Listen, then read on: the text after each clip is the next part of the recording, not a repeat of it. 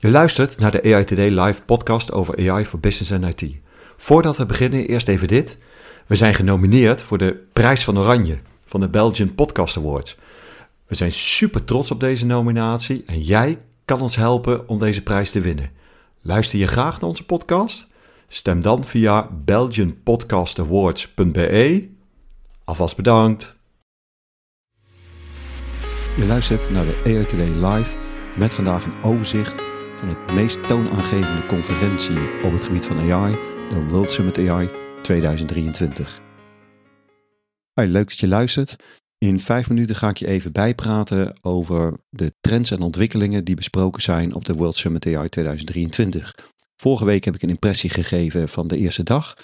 Uh, nu wil ik het vooral eigenlijk hebben over wat is er nou zeg maar, over het algemeen besproken? Wat zijn die trends? Wat zijn die ontwikkelingen? Maar ook wat is er niet besproken? Ik denk dat dat ook wel uh, belangrijk is. Laten we eens beginnen met, ja, wat was nou zeg maar ja, een van de hoofdthema's, en dat kon haast niet uitblijven, dat zijn natuurlijk de large language models. ChatGPT uh, en al dat soort modellen die erbij komen. Het was echt all over the place. Zalen puilden werkelijk waaruit als er maar iets van large language models in de titel van de talk zaten. Wat me opviel is dat er heel veel vooral gesproken werd over de mogelijkheden van uh, large language models. Hoe zet je die in? Wat, uh, uh, wat kunnen ze betekenen voor je business? allemaal toch wel een beetje de, laten we zeggen, halleluja verhalen. Wat een beetje miste was ja, dat er ook wel heel veel uitdagingen zitten bij de implementatie van dit soort modellen. ja, hoe ga je om met verandering, met versionering? al dat soort zaken mm, bleef toch wel behoorlijk achterwege veel besproken is, is de aankomende wetgeving rond AI. Hè, de EU AI Act, de Europese wetgeving rondom AI. We hebben daar uh, verschillende sessies over gehad, workshops over gehad. Um, nou, wat je ziet is dat daar veel aandacht voor is, veel publiek zit. Dus mensen zijn zich wel bewust dat het eraan zit te komen en vragen zich af, hoe zet je dit nou in? Een van de dingen die, uh, die ik eruit heb gehaald uit die discussies is voor mezelf eentje. Dat, dat zijn de sandboxes. Ze hebben een, wat ze dan noemen een regulatory sandbox. Ik dacht zelf dat het een technische sandbox is. Dus, dus dat je je model geeft eh, in die sandbox en dat die dan getest wordt en kijkt of die aan de, de wetgeving voldoet. Maar het is eigenlijk een soort van virtuele sandbox. Dus als jij uh, te weinig legal uh, in huis hebt qua kennis, dan kan je eh, de organisatie vragen om mee te denken van wat zou er allemaal nog nodig zijn uh, om aan de regelgeving van de EU eh, te voldoen, zodat uiteindelijk je product ook daadwerkelijk in productie kan.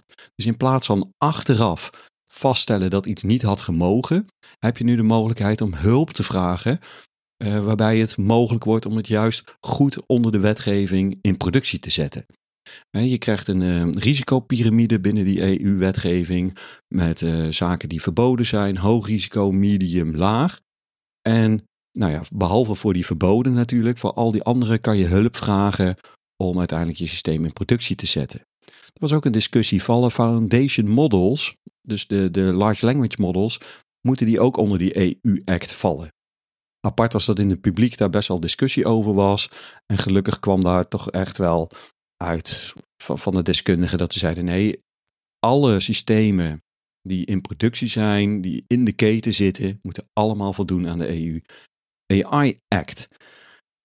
Uh, opvallend was ook de aanwezigheid van de politiek. Heel veel politieke praatjes uh, gezien dat geeft denk ik aan zeg maar, hoe de technologie ook in ieder geval onder de politiek leeft. Deze week is er bijvoorbeeld ook een aanstelling geweest van een Noorse minister, die ook specifiek AI in de portefeuille heeft gekregen. Dus de, de politiek krijgt steeds meer nou ja, nut en noodzaak, denk ik, om zich hiermee te bemoeien. Uh, nou, wat ik vorige week al zei, inhoudelijk was het niet zo heel sterk, maar ik denk dat het wel een signaal is. Een grote afwezig thema was voor mij MLOps. MLOps is een aanpak waarbij je op een goede, robuuste, veilige manier schaalbare machine learning modellen in productie zet. Hele mond vol. Uh, maar dat gaat natuurlijk uiteindelijk over dat het zo direct ook goed draait. het was toch wel heel veel allemaal, hè, die large language models, allemaal het nieuw, ehm, op, op de meest complexe technologie nu gaan zitten.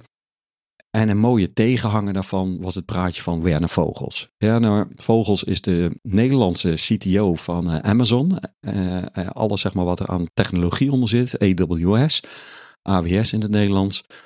En zijn praatje ging over AI for now. En wat bedoelde hij daar nou mee? Is dat er namelijk heel veel bewezen algoritmes zijn die, die je vandaag de dag kan gebruiken, waarmee gewoon hele complexe problemen worden opgelost, maar met simpelere technologie. Ik vond het wel een mooie tegenhanger. Amazon die heeft net een samenwerking getekend met Anthropic. En ze hebben zeg maar de tegenhanger van ChatGPT uh, gemaakt. Uh, dus waar OpenAI met Microsoft samenwerkt, gaat AWS nu samenwerken met Anthropic. Claude.ai heet, heet hun chatbot.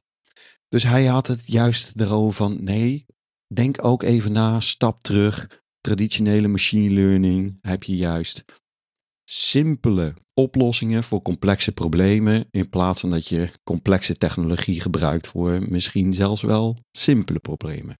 Een hele mooie uh, tegenhanger van alles wat er besproken werd. Goed dat je weer luisterde naar een aflevering van Today Live. Vergeet je niet te abonneren via je favoriete podcast app en mis geen aflevering.